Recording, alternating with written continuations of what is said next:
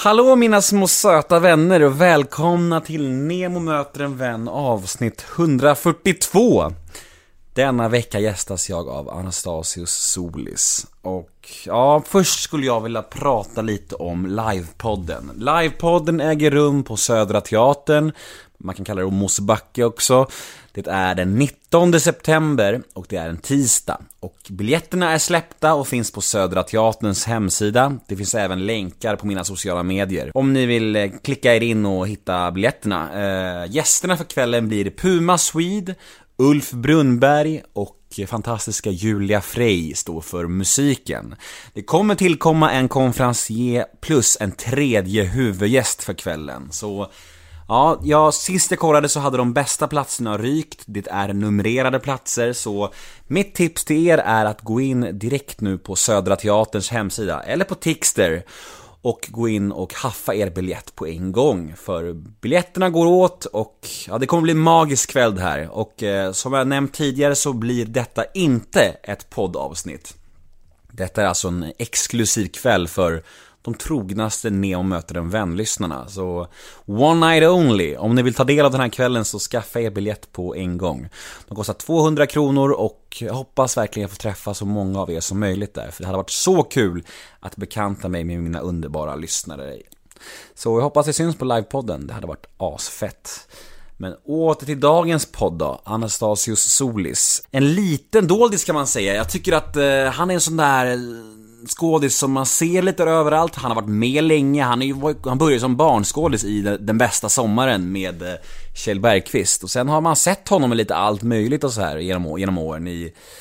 Men man har liksom inte riktigt kanske haft koll på vad han heter. Men ja, jag gillar att ta fram såna här som är väldigt kända men ändå inte kända. Som till exempel Jens Hultén som jag hade med här, eller Jerka Johansson, och nu Anastasius Solis. Så jag tror att ni kommer gilla det här samtalet. En riktigt skön snubbe och vi hade ett skönt flow och jag tycker att vi klickade väldigt bra. Jag tycker att det, det var bra stämning. Det var väldigt trevligt så jag hoppas att det kommer nå ut till er också. Ja. Jag heter Nemo Hedén på Twitter och Instagram. Hashtaggen är NEMOMÖTER. In och gilla oss på Facebook, Nemo möter en vän. Eller gå in på min hemsida, nemohedén.se. Där finns även information om föreläsningar och allt sånt där. Jag åker ut och föreläser i höst igen. Har ni några frågor eller önskemål eller vad som helst eller om ni bara har kritik till podden eller vill kolla hur jag mår eller vad som helst så skicka det till nemohedén gmail.com Podden presenteras precis som vanligt av Radioplay och klipps av Daniel Eggemannen Ekberg. Men nog om mig, dags för Neo möter en vän avsnitt 142. Anastasius Solis gästar.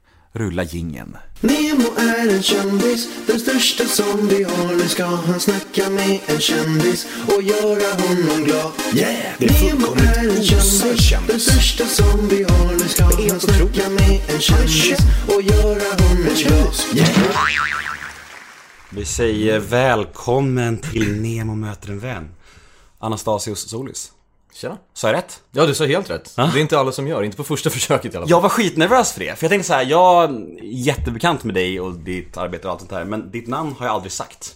Nej, det är knappt jag själv säger mitt egna namn så som det ska sägas. Jag kallas ju för Stasse av nästan alla som jag känner. De enda som kallar mig för Anastasius, det är min farmor och, eller hon säger mitt grekiska namn på grekiska. Men, eh, och sen en gammal granne. Eh, en gammal grannes mamma rättare sagt. Hon var sådär, nej men det, det är finare att säga Anastasius. Och min lågstadielärarinna, Lena Yrgård. Hon vägrade att kalla mig för Stasse. Du ska vara stolt över ditt ursprung. Jag kommer alltid kalla dig Anastasius och jag tycker du borde säga till dina vänner att de också ska kalla dig Anastasius. Jag bara, okej, ja men då... Men det känns annars se. lite grekiskt så här. man ska vara stolt över sitt namn. Är det inte Ja men exakt, exakt. Den här patriotismen och... Säg min och, fördom. Stolthet. Ja exakt. Nej men det, men det är, alltså min släkt har aldrig haft problem med att kalla mig Stasse liksom. Välkommen till Kungsholmen. Tack så mycket. Tack så Vilken, mycket. eh, vilken, jag vill bara ha det sagt. Jag bor ju på Kungsholmen nu för tiden så jag vill ha det sagt. Vart ifrån Stock- var i Stockholm är du ifrån? Jag är från Gärdet Östermalm ursprungligen. Jag, jag flyttade dit, eller jag föddes i, när jag föddes bodde jag i Jörns- Jörnsberg. Mm. Sen när jag var fyra år gammal så flyttade vi till Gärdet Östermalm. Uppvuxen där, bodde där tills jag var 20, 21. Eh, sen flyttade jag ett år till Sätra tillsammans med en polare. Vi höll i en, ett år höll vi, sen vart vi vräkta. Och då var, det, då, var det bara, då var det bara att flytta hem till mina föräldrar igen. Så bodde jag där, sen har jag bott på Söder och nu bor jag lite söder om Söder. Hur mår du? Nybli... Relativt nybliven 30-åring får man säga. Ja, precis. Ja, jag, jag mår kanon faktiskt. Det är många som frågade, så här, men har du inte åldersnoja och hela den där grejen? Tvärtom. Jag, jag tycker det är skönt att bli äldre. Jag ser nästan ännu mer fram emot att bli 40 och sen 50, 60. Jag, min dröm är att ha liksom, en, en hel drös med barnbarn som springer runt. Och att man, man känns som ett så här, inte familj över huvudet, men man är äldst, äldsta gubben på plats. Man sitter och får säga allehanda elaka saker och folk kommer att, men det är lugnt för att han är gammal, han är, han är en gubbe, han vet inte bättre, han är från en annan tid, låt han vara. Så kan jag sitta med massa barnbarn i famnen och lära dem massa dumheter och... Sitta och vaka över hela släkten. Ja, ja precis. Och sitta och sura. Det, det är mitt mål. Men du känns, eh, du känns som en eh, bra plats, det känns som att du är på en bra plats i livet. Ja men det är Alltså, det det, man har ju fördomarna, så här, nu kommer jag liksom nämna lite fördomar som jag alltid har kring mina gäster. Men alltså, barnskådisar som ändå har slagit igenom tidigt, man har så här, han, han måste vara lite fucked up ändå. Ja, jo jag vet, jag vet. Och det, alltså, det är någonting som jag nästan aktivt har, har jobbat emot. Eh, att jag inte ska hamna i det facket. När jag var liten så var det många, många kompisar som liksom på ett skämtsamt sätt kallade mig för Maca- Macaulay Culkin. Han ensam hemma-killen. Och han ballade ur ganska ordentligt. Sen i Sverige tror jag inte det är så många barnskådisar som har fuckat upp så pass mycket egentligen. Vad vad jag, vad jag känner till i alla fall. Men är det så många barnskådisar som har behållit sig i branschen ens då? Det är ju det. Det är ju det som är skillnaden. Det är inte särskilt många. Alltså det är väl liksom, det är jag, Filip Berg. Henke Lundström var ju också ganska tidig. Han var väl typ 14, kanske 15 tror jag när han Var började. inte Tuva Novotny väldigt ung också? Det var hon säkert. Det, var hon, det har jag faktiskt ingen koll på. Men hon var inte, hon var inte lastgammal direkt när hon Nej, nej. Jalla Jalla. Det var, där, Nej. det var där jag såg henne först. Men hon hade säkert varit aktiv även Mm. innan dess. Men, eh, men så att jag har bara försökt att liksom Jag vill inte hamna i, i det facket just med, med ja, men, han har ballat ur och blivit Mm. galen och dryg och divig liksom. Vi kommer återkomma till det, till eh, barnskådespeleri och sånt där. Men det här med intervjuer då, vad tycker du? Hur trivs du i den här stolen då? Är, är, är du taggad på att bli liksom... Ja, ja, nej men jag gillar, jag gillar att bli intervjuad Är det så? faktiskt. Sen, sen är det Sen är det lite olika beroende på vad man har för ingång i, i saker och ting. Men du får en viss sorts frågor när du är på en filmpremiär till exempel. Sen är det ju såklart skillnad om du själv är med i filmen som har premiär eller inte. Alltså då, då får du andra slags frågor. Jaha, vad, vad har du på dig ikväll? Och man bara, det är en kavaj. Ja. jag är så dålig på sånt, alltså jag, är, jag är ganska kass på att mingla. Så, att, så att jag har inget, alltså jag är inte jätteduktig på vare sig gå på sådana premiärer, än mindre faktiskt göra ett stort avtryck. Jag, jag, jag liksom skannar rummet och så ser jag någon jag känner. Typ så, ah, där är Filip, ja men bra, då går jag dit. Och så står vi och pratar om ingenting. Och sen går vi in och kollar filmen, sen går vi hem liksom. Det, det är lite så jag opererar. Vi måste ändå spola tillbaka bandet lite. Take it from the top, from the beginning. Uh, vet du din uppväxt, din barndom. Om du ska kolla på den, alltså... Som sagt, du kom in i skådespelarvärlden tidigt. Men om du, ska, om du ska kolla på din barndom innan det liksom, hur... Minns du den som lycklig eller, eller medellycklig eller, eller dyster? Alltså, jättelycklig faktiskt. Jag, jag växte upp i en, under väldigt idylliska förhållanden. Jag har inte alls haft en tuff uppväxt som många andra har. Jag växte upp i, eh, ja men som sagt Gärdet Östermalm. Vi flyttade dit när jag var fyra år gammal. Bodde i ett, eh, ett område som heter Starringsringen. Mycket grönska, jättemycket barn. Eh, hade skolan ganska nära. Jag gick i en och samma skola från ettan till nian. Det var många av mina grannungar som även var klasskamrater. Vi var ute hela tiden, spelade fotboll, spelade bandy, lekte kurragömma, whatever liksom. Vi, vi, och liksom min familjesituation har alltid varit väldigt stabil. Eh, Jag är ensam barn och det var väl kanske lite tråkigt tyckte jag emellanåt. När jag var yngre ville jag gärna ha en storebror eller stora syster som hade kunnat lära mig saker och hjälpa till med saker och ting. Och sen när jag blev äldre så kändes det som att det byttes lite och då var det så här, fan nu hade jag velat ha ett lilla syskon som jag, som jag hade kunnat lära upp och visa saker. Men, eh, men liksom växte upp med mina föräldrar, de är fortfarande tillsammans. Det var liksom väldigt, väldigt Superidylliskt. Ja men verkligen, verkligen. Så jag, jag kommer aldrig jag kommer aldrig med gott samvete kunna sitta i någon, i någon intervju och bara tala om min ångest från barndomen. Men vad ska du prata om i Stjärnorna på slottet? Ja, ja precis. Ja, men jag, jag, jag kommer vara ljudkillen. Jag är han som står med micken så här, med, med bommen och, och, och fixar. Det, det är det enda jag kan bidra med tror jag. Gräv, gräv, något måste ha, något mörker. Ja, men bara, precis. nej, nej, jag är lycklig. Ja precis, bara, ah, det var ju den gången jag sköt i stolpen där när vi, när vi, mötte, när vi mötte BP på bortaplan. Ja, kanske. men det, det, är typ, det är typ den nivån. Barndoms största mörker. Ja exakt, exakt. Sen, är- sen är det klart man har hamnat i situationer, alltså både när man var äldre och i, i den åldern som eh, har varit tråkiga, men absolut ingenting som har som jag tror har färgat mig särskilt mycket eller präglat mig på ett väldigt negativt sätt. Inte vad jag kan komma på i alla fall. Hur kommer det sig att dina föräldrar inte fick till, till barn? Nej, det var... Det var alltså- bestämt, det var bestämt. Ett liksom. Jag tror att de ville ha fler, men, men sen var det så, alltså min, min morsa pluggade på Tandläkarhögskolan när jag föddes. Jag tror hon precis hade kommit in.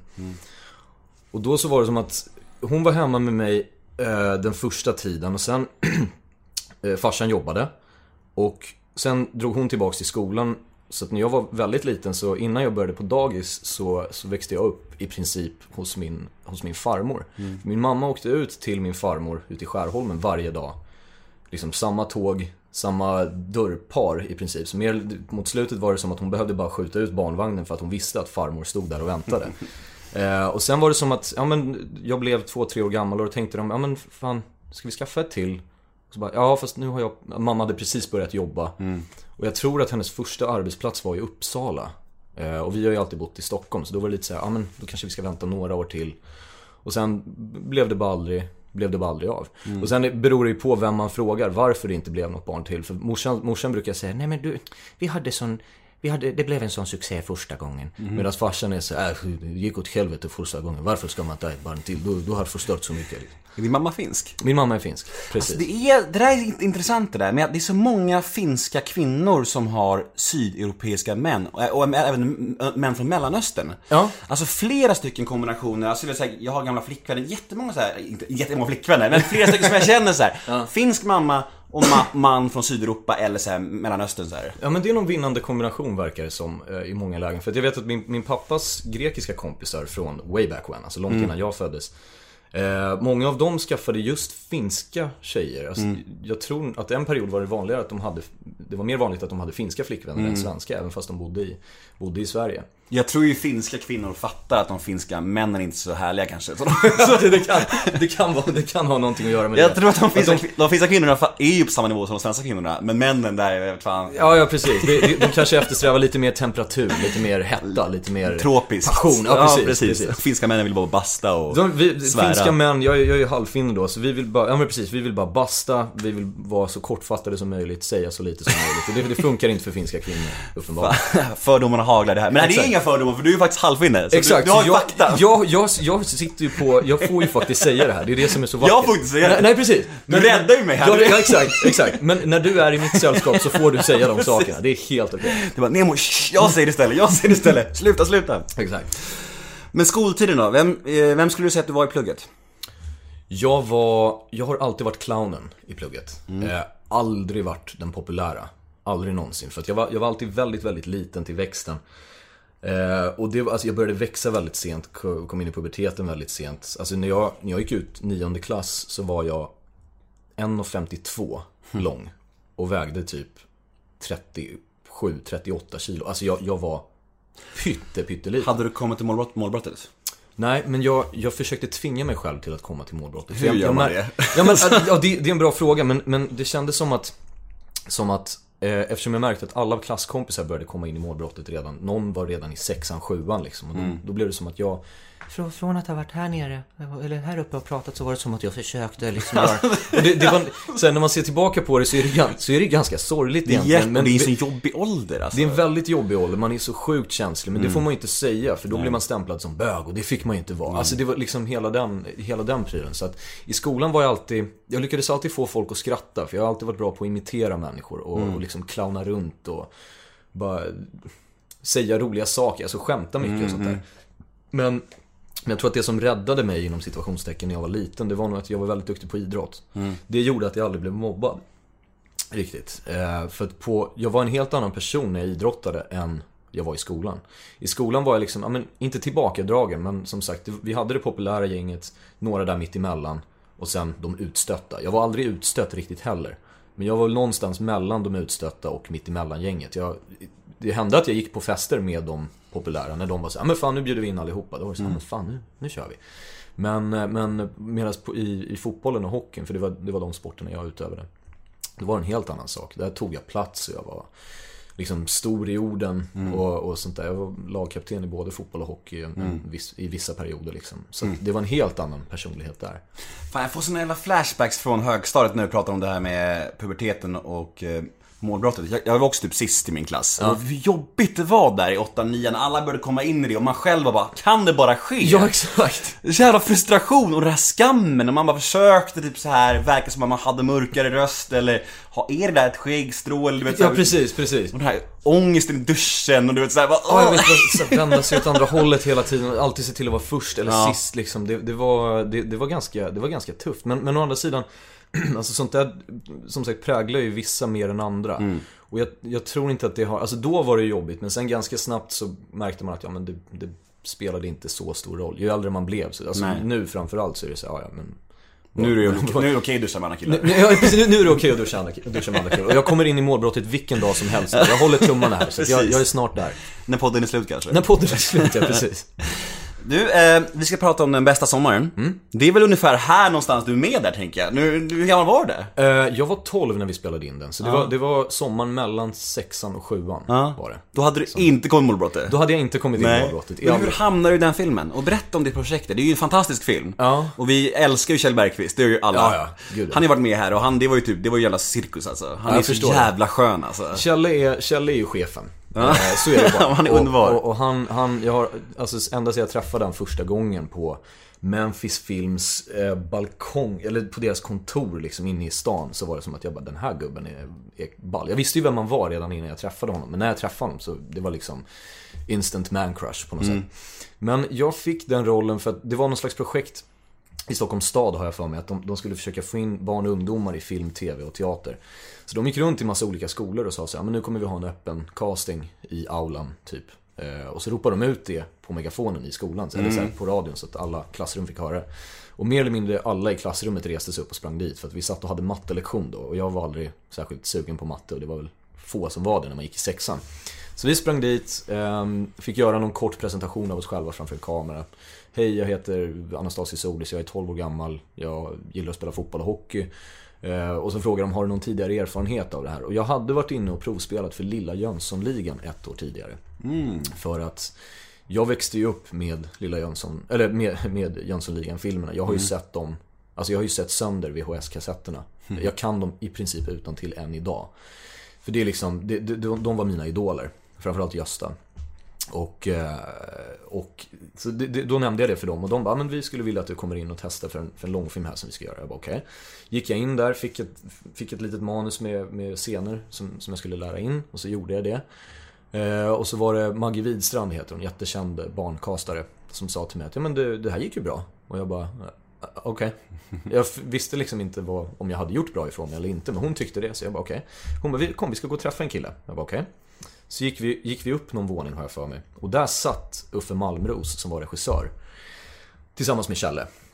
Och så sa han att eh, Liksom, eller så sa, så sa Uffe, jaha, vem, är det, vem har vi här? Ja men det här är Anastasius, han är 12 år gammal, han har precis varit och provat. Och jag tänkte ju bara, jaha, här är någon stor snubbe som pratar på ett konstigt sätt. Eh, Du hade ingen aning om vilka det var, eller hur? Förlåt? Du hade ingen aning om vilka det var, de två? Då? Kjelle visste jag vem Ja. men, men Uffe hade ingen aning. Nej. Ehm, och sen fick jag gå på liksom fler och fler provspelningar, till sist så fick jag rollen.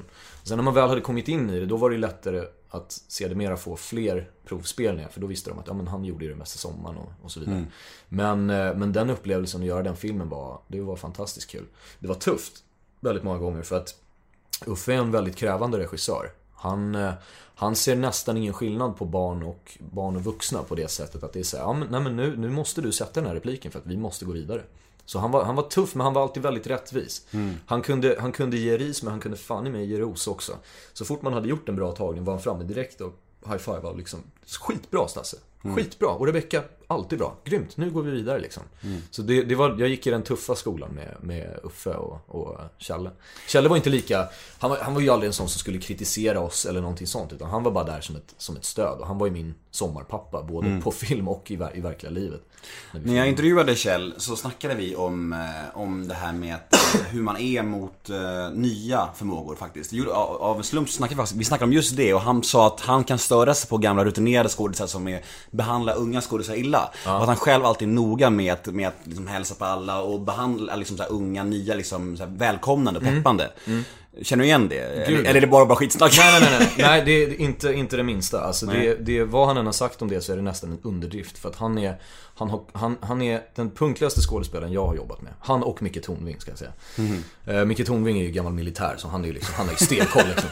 Men, men, och han är extremt professionell. Alltid förberedd, alltid proffsig, alltid redo att köra och, och liksom ha koll på alla och liksom tack för idag, jag ska gå nu. Han, han är en sån där som gör en grej som till exempel ifall vi har haft en inspelningsdag med många statister så sitter statisterna, säg ett, ett 20-tal. Någonstans i något, i något rum och väntar på sin tur. Han är den som Tack för idag, tack för idag allihopa. Skitbra jobbat. Jag ska gå hem nu. Fortsätt, fortsätt gnugga så kommer det här bli skitbra. Ha det bra. Det Fint! Man blir men glad när man hör det. Verkligen. Och, och det är inte, alla gör inte det. Nej. Eh, Jag ska inte säga att jag har gjort det varje inspelningsdag jag har varit på heller. Men, men han, han tar sig tid att göra det. Kjelle är liksom, han ser till. Jag, jag tror att rättvisa för honom är nog det allra viktigaste. Mm. Eh, Det, det är den upplevelsen jag har av honom i alla fall. Och han, ju- han är en dröm. Då har du en bra förebild hur du ska bli när du blir en äldre skådis med Gud, ja. unga förmågor. Gud ja, ja, ja, men det är som jag säger, alltså jag gick i den bästa skolan man kunde. Eh, Det, det, alltså Uffes och Kjelles filmskola i, i eh, Trollhättan. Grymt ju. Mm. Men alltså, kände du redan då att det här ska jag hålla på med? Jag tyckte det var fruktansvärt kul. Eh, för att, alltså innan jag började filma, min dröm då var att bli fotbollsproffs. Det var det som var liksom min... Hur, hur duktig var du? Jag var faktiskt väldigt duktig. Jag, jag spelade både fotboll och hockey i Djurgården, men det var i fotboll som, som jag var, som jag var bet, som bäst. Eh, och vi hade dessutom ett väldigt, väldigt bra lag fram tills vi var 12, kanske 12-13. Vi vann en stor turnering nere i Danmark, en av världens största faktiskt. Eh, och, och det var liksom... Det, det, men då kom det här in att jag var alltid liten till växten och då var det så här, ja, men nu när de andra börjar växa, hur kommer det gå? Sen när vi ska gå från sju manna till elva manna och lite sånt där. Och det gick tyvärr inte för mig, det funkar inte. Jag, eftersom jag började växa så sent. Alla andra blev mycket, mycket större, mycket snabbare. Jag hade förlitat mig mycket på min snabbhet. Helt plötsligt var de lika snabba som jag och mycket starkare. Så då kunde inte jag vara lika... Jag ska inte säga att jag någonsin har varit dominant på en fotbollsplan, men, men lika eh, framträdande kan man säga. Så, att, eh, så där och då bestämde jag mig att nej men fan, film kanske kan vara någonting kul att, att, att göra även i fortsättningen. Så gjorde jag det i några år. Fram tills jag började på gymnasiet. Jag pluggade journalistik på gymnasiet. För då hade jag tröttnat på film och tänkte, men jag vill, göra, jag vill få ut min kreativitet på något sätt. Jag har alltid tyckt om att uttrycka mig i skrift. Jag är väldigt sportintresserad så jag tänkte, ja men det går ju väl hand i hand att bli sportjournalist. Olof Lund. Olof Ja, precis. Jag ska bli Olof Lund! Jag ska bli Olof Lund, precis. Jag behöver bara lägga mig på sträckbänken i något år eller två. Men, eh, men, eh, och sen insåg jag att, ja, mycket av journalistik hade redan då börjat bli som så här. eh, Ja, men, mer sensationalism än riktig journalistik. Att det var så här, ja, men, jaga klickgrejen och sånt där. Och jag kände inte riktigt att jag själv kunde stå för det. För det var inte en sån journalistik som jag ville utöva. Så då gick jag så här, men vad fan ska jag göra med mitt liv? Eh, och sen... Hur gammal var du här ungefär? Då var jag väl kanske 17-18 någonting i samband med att, med att jag gick ut gymnasiet. Och då hade du kommit till målbrottet, eller hur? Då hade jag kommit till målbrottet, precis. Så då hade jag en helt ny röst. Eh, så Jag har ju bara- ny röst också! Ja, precis. Fan? precis. Vart ska världen ta mig nu? Precis. Eh, men, men sen gjorde vi då en film som heter Underbara älskade och det, det var den filmen som fick mig att bli knallkär i, i film igen. Så det var då jag bestämde mig och det, det har hållit i sig sen dess. Vi ska prata om den filmen sen. Men vi ska inte prata om den än. Nej. Du är otålig ung man märker jag. Men du får vänta på det minsann. Jajamän. Men alltså, har något ögonblick under liksom, karriären där du kände så här, där du kände så här, fan det här är jag riktigt bra på? Har du någon så här tidpunkt där du kände, kände så här, liksom, det här kommer jag nog kunna försörja mig på? Det första tillfället jag kände att jag är nog ganska duktig på det här, det var när vi filmade eh, Hem ljuva hem 2000. Nej, år 2000. Det var en scen, en väldigt, väldigt tuff scen då jag skulle gråta. Eh, och då, det var då när vi filmade den som jag märkte, fan jag kan gråta på Q. Kan folk det? Kan skådisar det överlag? Viss, vissa kan. Ja. Vissa kan. Gråt då? Ja, ja precis. Alltså, jag har, men det är så jobbigt för det, det där har typ vuxit bort från mig. Jag har inte behövt gråta på Q på väldigt, på väldigt länge, men, men det, det är mycket, mycket svårare, i alla fall för mig, att, att, att, att göra det idag. Men hur gör man då? Alltså man, Är det såhär, tryck, så här spänn hela ansiktet? Är det så? Nej, det är inte så mycket fysiskt egentligen, utan det, det är väl att man, alltså, jag, jag skulle i så fall ha gått iväg en stund, gått och satt mig i något eget rum eller någonting, låst in mig, lyssnat på kanske ledsam musik, bara tänka på allt skit man har varit med om i livet, eh, försöka kanalisera det och liksom komprimera det och ha det precis vid näthinnan. För att komma in i, i en dålig, dålig stämning helt enkelt. Eh, och bara men, tänka på ja, men det, det värsta som har hänt dig egentligen. Straffmissen BP där. Straffmissen mot BP, exempelvis. eh, och, eh, och sådana saker. Eh, då skulle det nog vara mer ilska tror jag, än, än, än, eh, än förstår. ledsamhet. Men, men, ehm, men däremot, jag har ju jag har ju vänner som är, som är sjukt skickliga på det där. Eh, Vem är bäst på det? jag skulle nog säga, av, alltså den, den jag kan komma på, det är nog Hedda Stiernstedt. Eh, för jag har, vi, vi har varit vänner sen vi gjorde studentfesten och, och hon, har, vi har hjälpt varandra jättemånga gånger med att skicka provspelningar till USA och så. Eh, och det är flera gånger där hon har varit tvungen att gråta i, i alltså redan på provspelningen. Och så sitter man och läser emot henne, så här, mitt emot varandra som du och jag sitter nu. Och så helt plötsligt ser man bara hur liksom läppen börjar darra okontrollerat och tårarna börjar fucking rinna. Och jag bara... Ja, Ja då. Kul då. Ja, kul att du kan liksom. Eh, Joel Lützow är en annan som, eh, som, är, som är jävligt duktig på det.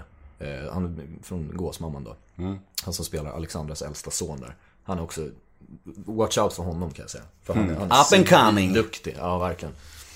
Nu ska vi snacka om studentfesten. Nu ska vi snacka om studentfesten. Alltså studentfesten är ju kanske den mest underskattade filmen i svensk historia! Är det så?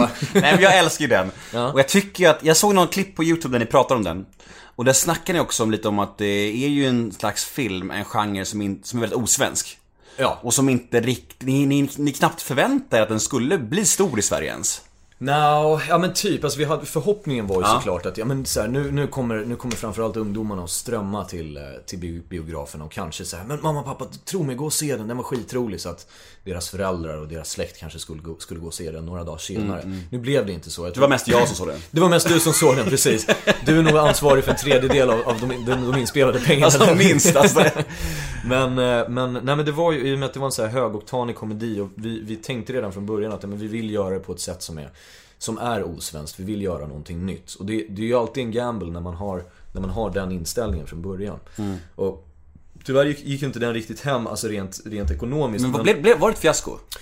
Jag vet inte, alltså det senaste jag hörde var att vi hade typ 11 000 som hade gått och sett den på bio. Men på alla de här olagliga nedladdningssajterna och liksom streamsajterna så jag tror vi kom upp i typ 200-300 000 klick. Och då var, då var det liksom, hade några av er bara kunnat gått på bio till exempel så Det hade- känns som att det är ju en sån film som verkligen går hem på såna sajter. Det är ju det som är grejen. Det är det som är grejen. Och det, det, jag vet att Falk-filmerna har, har varit med om, om samma grej. Att de, Det var mycket snack om att de kom ut. eh, Och Gåsmamman.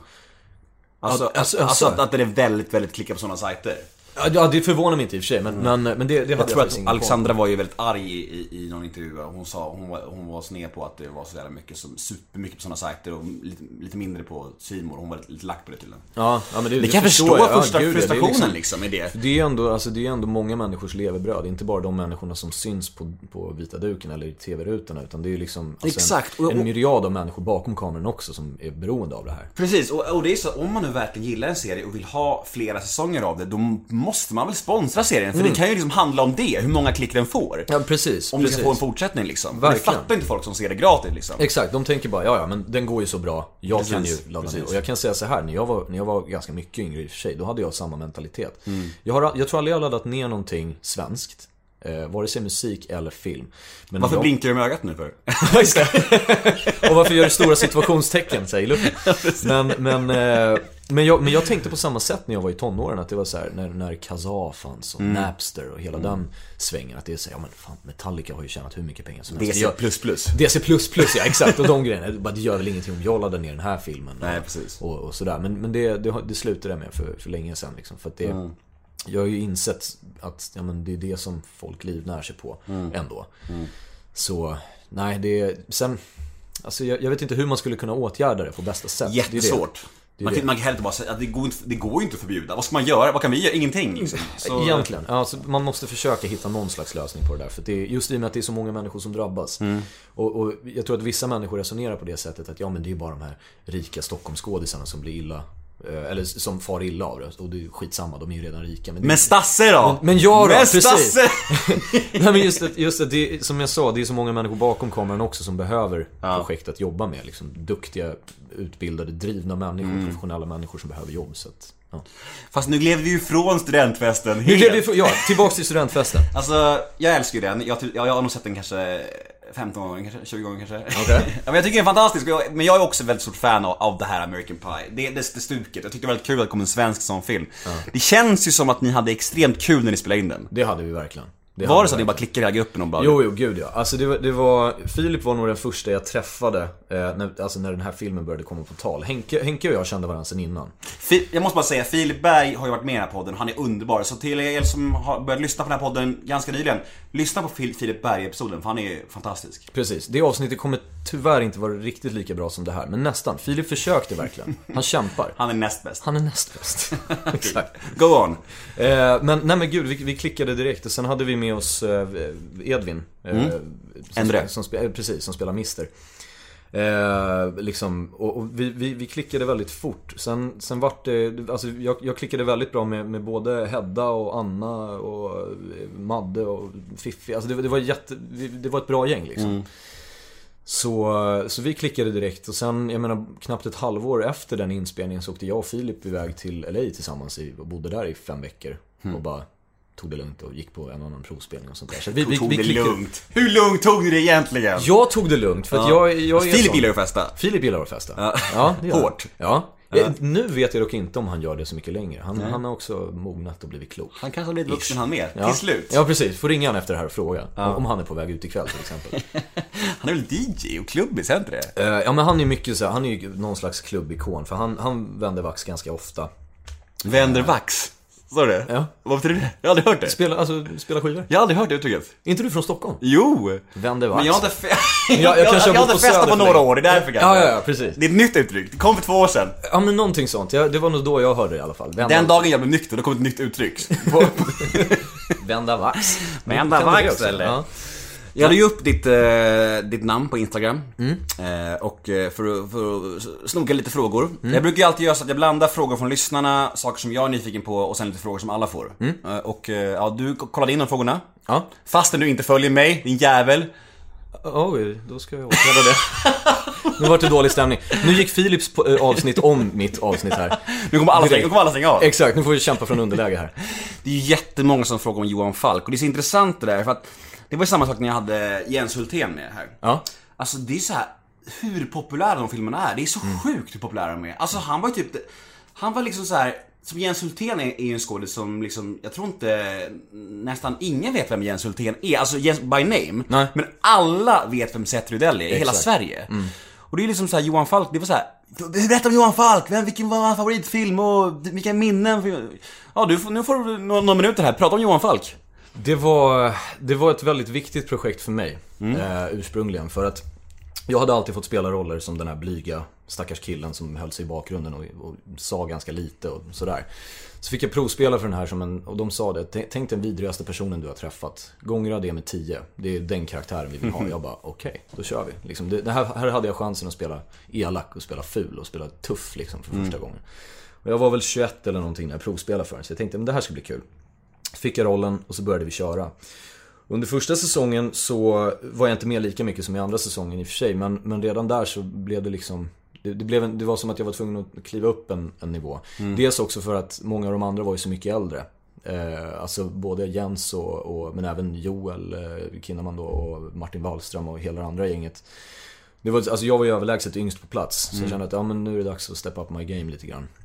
Och, och köra på här. Sen, jag trodde inte att det skulle bli den supersuccén som det blev. Eh, det tror jag aldrig man riktigt vågar tro på. Men, men, eh, men fan i mig vad det tog skruv. Och Jens karaktär, Seth Rydell då, han, han var ju populär redan, redan från början. Men sen i, i säsong två tror jag han verkligen exploderade. Och sen säsong tre känns ju nästan som att det fan nästan mer handlar om honom än, Ja, än vad det gör om Det Johan blev ju Falk. som en slags så här Gunvald Larsson-fenomen liksom. Precis. Att det blir som att eh, karaktären växer ur filmen på något sätt. Mm. Nästan på något sätt. Men nu, är ju Björn filmen filmen också, men, men den karaktären är ju så... löjligt populär, Seth Rydell. Och det är, jag vet inte riktigt, och jag vet inte riktigt hur det är som, som skådis att, att, att bara vara så förknippat med en karaktär. Jag vet inte, det, det, det är väl säkert tudelat antar jag. Säkert, säkert. För att jag menar, han, han skulle inte nått den nivån han har nått utan den karaktären. Precis. Men sen ändå, nu ska inte jag sitta och tala för, för Jens, men, men sen ändå kan jag tänka mig att det är så här, men Försök se bortom det här Seth Rydell-facket och se att jag, jag kan faktiskt göra andra grejer. För Jens är en jävligt skicklig skådespelare. Mm, jag var och Han- såg eh, Macbeth med han och Persbrandt på till exempel. Ah, ja, den har inte jag sett. Var den bra? Svinbra. Eh, svårt. Jag fick anstränga mig för att fatta någonting. För det gammel svenska och... Ja, Ja, ja, men jag, jag tycker det var bra. Okej. Jag, jag är ingen stor teatermänniska men eh, Nej, nej. jag kände mig ändå väldigt mogen gick därifrån. Jag var på teater liksom. jag kände mig smart. Check. Ja. Bucket list. Macbeth, check. Exakt. Vuxenpoäng. Men det, jag tror att det är svårt att uttala sig. Folk frågar så här om favorit eh, Johan Falk, favoritögonblick från inspelningen, favoritfilm. Eh, Eh, favorit, favoritögonblick är, det kanske låter lite knäppt, men jag, jag fick, eh, det var i en av filmerna i säsong två. Eh, jag tror det var i de 107 Patrioterna. Som jag fick avrätta en kille. Och det var, det var inte att det var så här, oj, jag råkade skjuta, utan det var en, det var en regelrätt avrättning. Jag lurar honom att titta åt ett annat håll, sen liksom sätter upp pistolen mot huvudet mot en så fort han vänder sig så skjuter han rakt i pannan. Och det var, alltså på något morbid sätt, ganska kul att göra. För att det var ju också så att jag hade aldrig gjort någonting liknande förut. Jag tror aldrig jag har tagit livet av någon annan människa. Vare sig före eller efter det på film. Ehm, på film, inte i verkligheten heller. Men, Inte? nej, faktiskt. Jag är en av de få. Men, eh, men, eh, men det var så här, för sättet jag ville ladda upp inför den scenen var också lite speciellt. Jag spenderade halva natten innan med, med att sitta uppe och kolla på så här riktiga gore klipp, alltså typ från krig och alltså vidriga scener. Riktigt vidriga scener. Eh, som, som var så här för att försöka komma in i någon slags kyla, att jag skulle kunna se på dem utan att känna någonting. Det gick ju inte för att man är ändå human. Jag, jag satt ju där och ville, ville spy i princip. Men då kom jag med, med en annan slags mentalitet till inspelningsplats den dagen. För att, just för förberedelsernas skull, så, så var det som att men jag måste göra det för att det här ska bli så trovärdigt som möjligt. Och jag tror till och med det stod i manuset, i den scenen, i regianvisningen, att så här, något i stil med för första gången får vi se att det här är verkligen Seth Rydells brorsa. Att det är så att de är av samma skrot och korn, liksom iskalla, liksom bara business nu, liksom sådär. Så det, det var en väldigt eh, speciell upplevelse. Sen alla, jag, jag försökte ju stunta så gott jag kunde själv. Inte för att jag hade allt för många sådana scener, men det var någon scen när Jakob skulle sula in, Jakob Eklund då, skulle sula in mig i något trappräcke och sen ska vi rasa ner för trapporna bägge två. Det är en annan scen i en annan film när eh, det är en snubbe som skjuter sönder, han har någon, någon slags Uzi eller någonting, han skjuter sönder ett akvarium. För han, han siktar på mig, jag springer bakom det här akvariet. De var såhär, vi, vi vill ju helst att du gör det själv. Jag bara, men det, gud, det vill jag också för att det måste ju se så pass verkligt ut som möjligt. Så då repeterade vi in det väldigt bra och, och det blev faktiskt skitsnyggt. Sen, eh, Alltså, det, ja men det är väl typ de två som står ut mest. Sen, sen var det flera tillfällen som var väldigt, väldigt speciella och roliga sådär. Men, men många scener där man, får, där man får spela mot Jens och just hans... Det här, han har ju väldigt mycket humor, eh, Jens, som han implementerade väldigt fint i Seth Rydell-karaktären. Så det, det var bara kul att, att göra scener med honom liksom. Bara, bara det var kul nog liksom. När man gör så, när man gör alltså, som i till exempel Johan Falk eller Beck eller Wallander, när man gör så många filmer liksom så här, jag vet inte vad det finns något ord för det? Massproducera, vad säger man? Uh, ja, jag vet inte. Franchise. Ja men, ja, men säg franchise, det Ja, låter bra. alltså är det inte ändå en risk då för att liksom, jag tänker biroll, att, att kvaliteten dalar tänker jag? Att, att liksom inte alltid är högsta kvalitet för att det ska vara massproduceras? Det är klart, man löper alltid den risken. Ju fler säsonger som görs, desto mer är det så här, för, för det är ju en konstform i sig att kunna säga som, som skapare av en serie till exempel att nej men nu är det nog. För att vi vet att vi kommer inte kunna leverera lika bra kvalitet och vi vill inte bara göra det för pengarna. Sen återigen, det är många människor som är beroende av att det görs projekt liksom. Så då kanske man ändå hamrar fram någonting som i vissa fall tyvärr inte blir lika bra.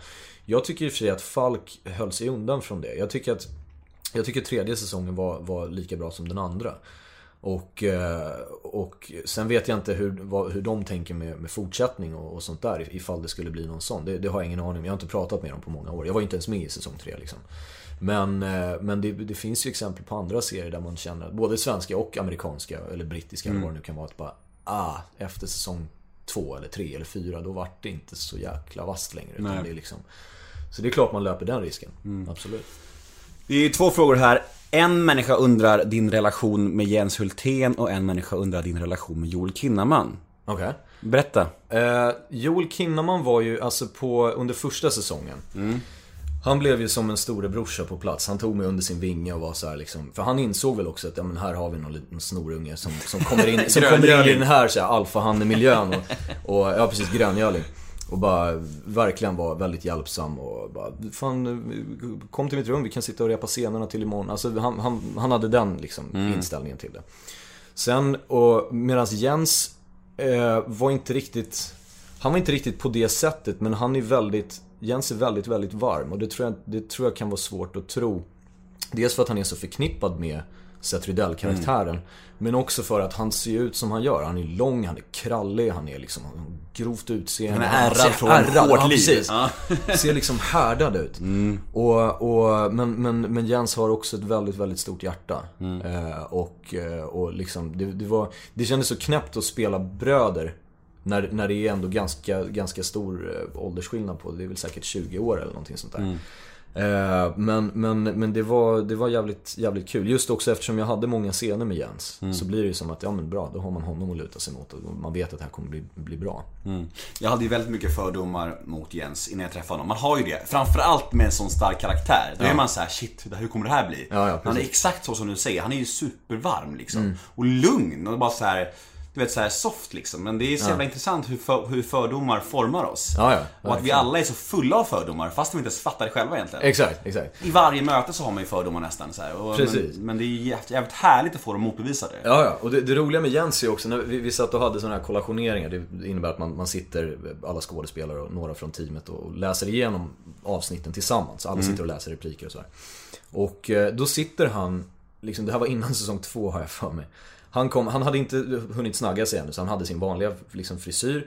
Kom dit och så hade han ett par så här gubbglasögon på nästippen. och så sitter han och bara, ja vad kul att se allihopa, hej vad, vad roligt, vad har du haft för dig?" Alltså sådär varm som han är. Och så börjar det borras eller någonting utanför. Det var någon jävla byggarbetsplats. "Äh, Vad vad var det där nu då? Fan, fan vad mycket maskiner det är överallt. Det är bara, bara oväsen. Och vi bara, men shit, vem är du egentligen? Men sen så fort man kom till inspelningsplats, då var det bara... Och då, då kom den där blicken. Och man bara, ja, där är Seth Rydell. Häftigt. Ja, verkligen. Ja. Stora kontraster. Verkligen. Eh, vi ska snacka lite Gåsmamman nu. Eh, vad tror du är nyckeln till framgången för den serien? Ehm, det är ett modigt manus, fenomenal regi och enastående skådespelarinsatser. Jag tror, jag tror att, för att de, de vågade liksom redan på manusnivå hålla sig från att göra de här übermörka eh, historierna där det bara är misär och elände och mord och gråt. Utan de lyckades ändå få in alltså, väldigt mycket värme och humor faktiskt. Eh, och det, det, det, är något, det är ett spår som vi har spunnit vidare på i, i säsong 3 nu också. Och, och, och sen, det, det är väldigt mycket som har klaffat. Jag ska säga att eh, Gåsmamman är en av, om inte den roligaste inspelningen jag har varit med om i hela min karriär faktiskt. För att det som man säger, alltså oavsett vilket jobb man har, hamnar man på en bra arbetsplats, då, alltså klyschan är ju, ja men vi är som en familj. Det roliga är att vi är faktiskt det. På riktigt, alltså det, det är som en familj på riktigt. Ja, alltså vi, vi har en sån här Facebook-tråd och typ en eller två veckor efter att inspelningen hade slutat nu för säsong 3 Så var det någon som skrev bara, bara så här, jag är bara tom. Var är alla? Och det var någon som kommenterade bara, ja, jag vaknade precis, ingen är här. Alltså det, det är lite så här, den här saknaden, den här kollektiva saknaden. Som, som, eh, och det, det jag vill komma till med det är att just den här familjekänslan har också bidragit till en mycket lyckligare arbetsplats än vad man har många gånger. Och det leder till en bättre kvalitet på produkten. Jag tycker att den serien är jävligt, eh, jag tycker att den är den är så osvensk. Och, och för, för att använda det ordet igen, st- studentfesten också för all del, men det är väldigt olika. Ja, ja. Men Gåsmamman också väldigt så här, det är, man har inte sett något sånt i Sverige tidigare på något sätt. Och det är det, är det som gör det så jävla spännande också. Och att det också blandas som du säger. Det är, också, det är allvar, men det är värme och det är humor, liksom alltihop på något sätt. Och jag tror att det är också nyckeln till framgången. Men säsong tre har ni spelat in precis nyss. Ja, precis. Ja. Och när kommer den? Jag tror, jag vet faktiskt inte, men jag antar att den kommer till hösten. Mm. Det, det, det är det som har sagts, sen vet jag inte huruvida det är spikat eller inte. Men, men jag skulle väl tro att det är, ja men oktober, november, kanske någonting sånt. Hur lång tid tar det spela in säsong? Vi började filma, eh, jag tror det var sista veckan i februari, eller mitten på februari. Och vi slutade den sista maj, tror jag. Så det är väl, det, mars, april, maj? Ja, tre månader, lite drygt tre månader. Så det, det tar ju tid. Också när det är så fruktansvärt många karaktärer med. Alltså viktiga karaktärer. Det är, det är inte som att vi har två huvudkaraktärer och resten bara svävar runt där i, i bakgrunden. Utan det är liksom många olika stories man måste följa. Eh, och det tror jag, eller det har ju uppenbarligen publiken tyckt väldigt mycket om. Men det har ju också gjort att det, det blir mer komplicerat att sätta ihop det. På det sättet att ja men nu har vi de här tre karaktärerna som ska ha möte med de här fyra karaktärerna. Och samtidigt som det sker så är de här två karaktärerna som Say hello to a new era of mental health care.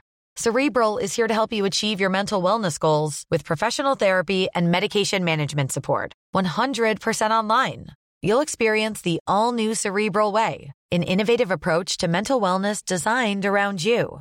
You'll get a personalized treatment plan from a therapist, prescriber, or both in a safe and judgment free space. Your Cerebral therapist or prescriber will outline a customized plan with clear milestones along the way so you can get to feeling your best. With Cerebral, you're not alone in your mental health journey. We're here to empower you to live a fulfilling life.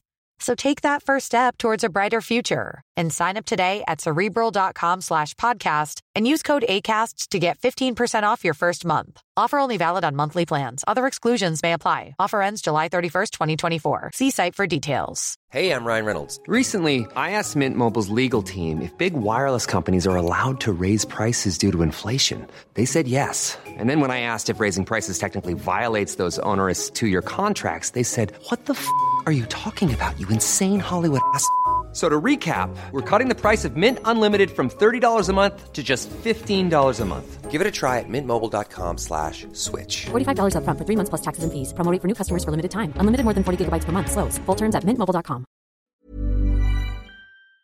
lurar. De, här- alltså det, det är Man ska väldigt få sådär... få upp massa scheman också. Ja, exakt, exakt. Så det, det praktiska bakom är väldigt, väldigt svårt. Men, men eh, det är väldigt, väldigt tight ändå på något sätt. Har vi lyckats få till det, tycker jag. Mm.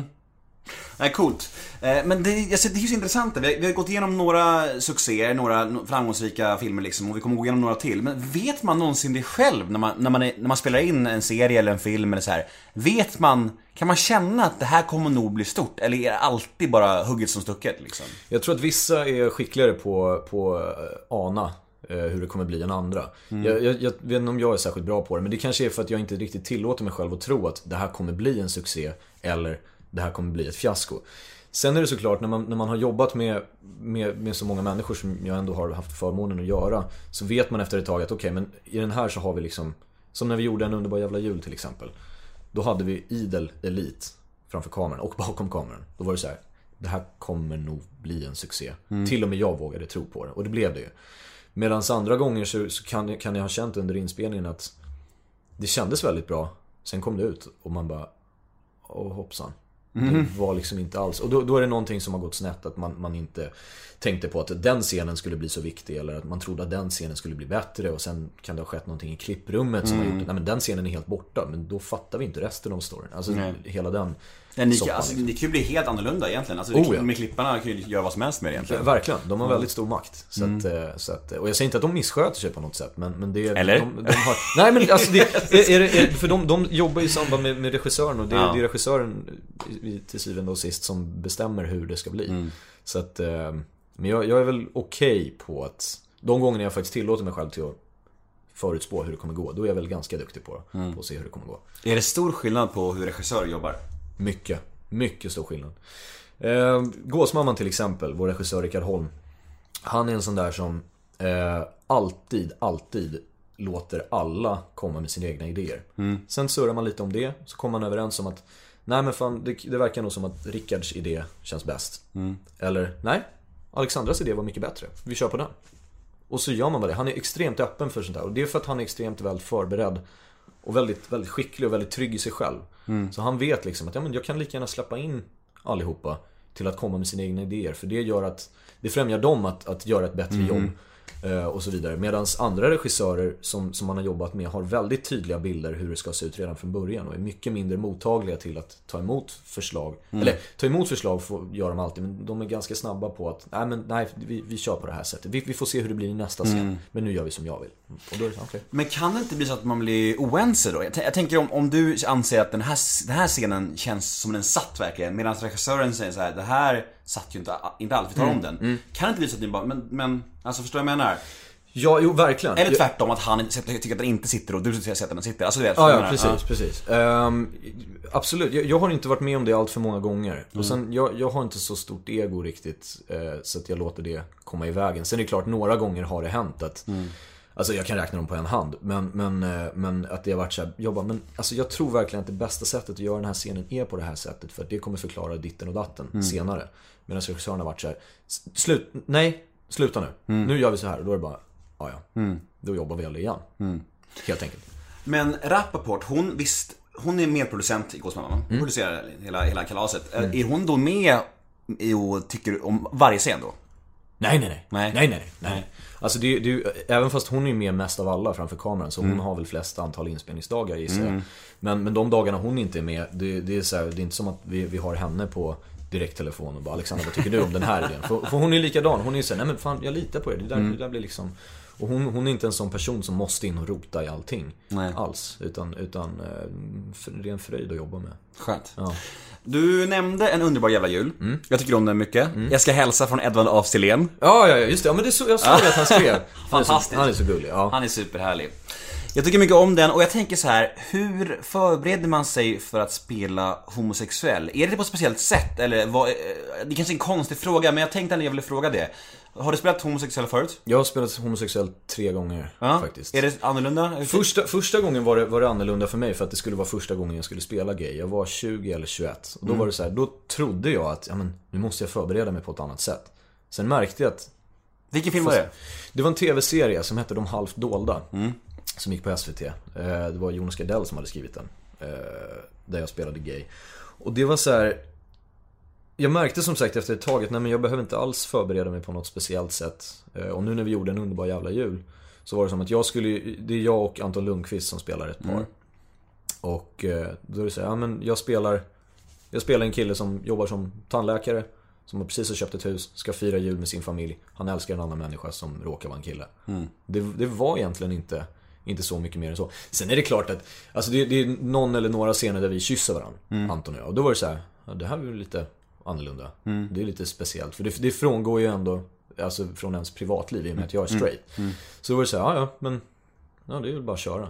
Alltså det, det, det fanns ingen liksom, direkt anledning att tänka så pass mycket mer på det. Så, så var det för mig i alla fall. Jag vet, inte, jag vet inte hur det är för andra. Vilken var den tredje gången du spelade gay?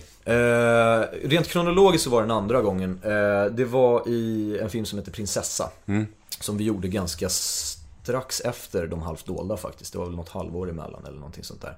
En film av Teresa Fabik. En väldigt fin film men... eh, men Hon gjorde även Hippie-Pora tror jag. Det var hennes första tror jag, långfilm. Ja, med, med Filip och Exakt. Amanda Renberg va? Ja, precis. Ja. När Philips har en eh, lös gummisnopp. En lösballe, ja precis. Just det. En snackis var det, back in the snackis. days. Ja, exakt, exakt. Eh, och eh, just det, jag kommer ihåg, jag såg den. Jag tror att jag, tror att jag provspelade för den faktiskt. Mm. Har jag för mig. Det är så Men intressant det där, för det är så liten bransch i Sverige. Så det är, det är en barn och ungdomsfilm, du var en barn och ungdom. Det är klart Det, att det är klart jag var ja, precis. Det var jag, var där och nosade. jag, Filip och några andra liksom. Precis. Och så, så eh, vi, vi har väl någon slags inofficiell intern tävling. Även fast jag, jag tror var, vare sig Filip eller jag skulle erkänna det. I, I alla fall inte för varann. Men alltså, man mäter ju lite grann att det är så här. Ja, nu fick han den rollen. Och jag var inne och provade för den. Men jag fick ju den rollen. Och jag Har hänt mycket? det hänt mycket? Inte så ofta som det hade kunnat hända egentligen. För att vi, i och med att vi ser ut på ganska olika sätt. Alltså han är mycket längre än vad jag är och, och liksom annan hårfärg, annan liksom byggnad och så vidare. Byggnad, vad fan säger jag? Annan, annan kropps... Eh, vad heter det? Kro- Kropp kan man säga, An- kroppsbyggnad. Annan kroppsbyggnad, det var det Annan byggnad. Annan byggnad. Eh, så Höghus. så, han, I höghuset ja, precis. Och jag är en iglo. Eh, nej, men, och han, så han, alltså det hade kunnat hända oftare men, men några gånger vet, vet vi att, ja men så, ja, jag var inne och provade för den också. Och, men, men vi är ändå väldigt genuina i att, ja men fan lycka till. Och jag, jag har känt på vissa provspelningar som jag vet att han har haft också. Ibland har jag känt att bara, jag vet att Filip kommer göra det här bättre än vad jag kommer göra. Så att då är det så här, vad fan, det är klart jag håller på, håller, att han, håller på att han ska få det liksom. Och hoppas det. Men, men så det är en väldigt, just, just mellan honom och mig så är det en väldigt eh, Väldigt vänskaplig rivalitet. För att vi är också sådana där som hjälper varandra med provspelningar som vi skickar till USA. Vi gör det ideligen. Väldigt ofta. Så att eh, det, det är bara hälsosamt liksom. Sen vet man ju inte. Alltså, någon vacker dag kanske det blir så att någon av oss blir lite sur för att den andra har fått den. Alltså, Och sen snackar ni aldrig igen. Och sen snackar vi aldrig igen. Precis. Då blir, det, då blir det poddkriget liksom. Vem som gör de bästa avsnitten. Har du någon relation till poddar alls? Lyssnar du på någon poddar? Du? Jag är väldigt dålig på det. Jag är väldigt dålig på, på det mesta som, som har med ny, alltså ny teknologi att göra. Poddar är inte jättegamla. Jag skulle säga så här, jag är väldigt dålig på det mesta. Bara, ja, då- då- Dåligt självförtroende. Ja, exakt. Jag är kass på allt. Exakt, exakt. nej, men, nej men jag är ganska dålig på att lyssna på poddar. Alltså när det är, när det är någon som jag tycker om eller någon som jag är kompis med. Eh, vare sig det gäller poddar eller filmpremiär eller vad det är. För jag går inte ofta på sådana heller. Men när jag går på det, då, då har det oftast att göra med att det är någon, någon kompis där. Och Philips avsnitt till exempel här, det var ju det första Nemo-avsnittet jag lyssnade på liksom. Men du har hört det i alla fall? Ja, ja, ja. Det var min följdfråga faktiskt. Ja, okej. ja. Vad glad jag blir. Tack! Åh, vad fint! Har du hört något mer? Eh, jag hörde... Nej, det var inte du som gjorde Nej, det har jag faktiskt inte gjort. Ja, det är okej. Du har i alla fall hört någon. Ja, precis. Du, du, du är godkänd som gäst. Tills vidare fall. Precis. Men en underbar jävla jul. Jag tänker att det är ändå en film, även om den är väldigt ehm, eh, mycket, jävligt rolig liksom så, här, så berör den ändå ganska mycket allvarliga ämnen på en underliggande nivå. Det är liksom homose ho- alltså, homosexuella relationer, det är rasism, det är liksom, det är en del känsliga ämnen liksom. Hur var responsen till den här filmen? Alltså, det enda jag har hört var att det var en väldigt fin respons. Eh, liksom, sen, jag menar, för jag vet att det finns vissa skådespelare som är såhär, nej jag läser aldrig recensioner. Vissa gör säkert inte det, andra ljuger, tror jag. Jag läser dem alltid, i alla fall. Eh, och viss, viss, viss respons där var ju också så här, ah, det hade kunnat vara bättre och ditten och datten. Men sen i slutändan så, det som spelar roll är ju egentligen vad, vad publiken tycker. Och i det här fallet så blev det ju en jättesuccé för vi hade över 700 000 biobesökare liksom. Och bara det är en kanonsiffra, speciellt i Sverige. Speciellt så som det ser ut i svensk film idag. Men, eh, men, eh, men så, alltså, majoriteten i alla fall av det jag har hört var, var en väldigt fin respons. Sen tror jag det, det var ganska naturligt att jämföra den med, med Tomten är far till alla barnen. Jag skulle komma till det, det är många som har försökt att göra en sån film men inte lyckats. Men ni är de första som ändå gjorde en fullgod... eh?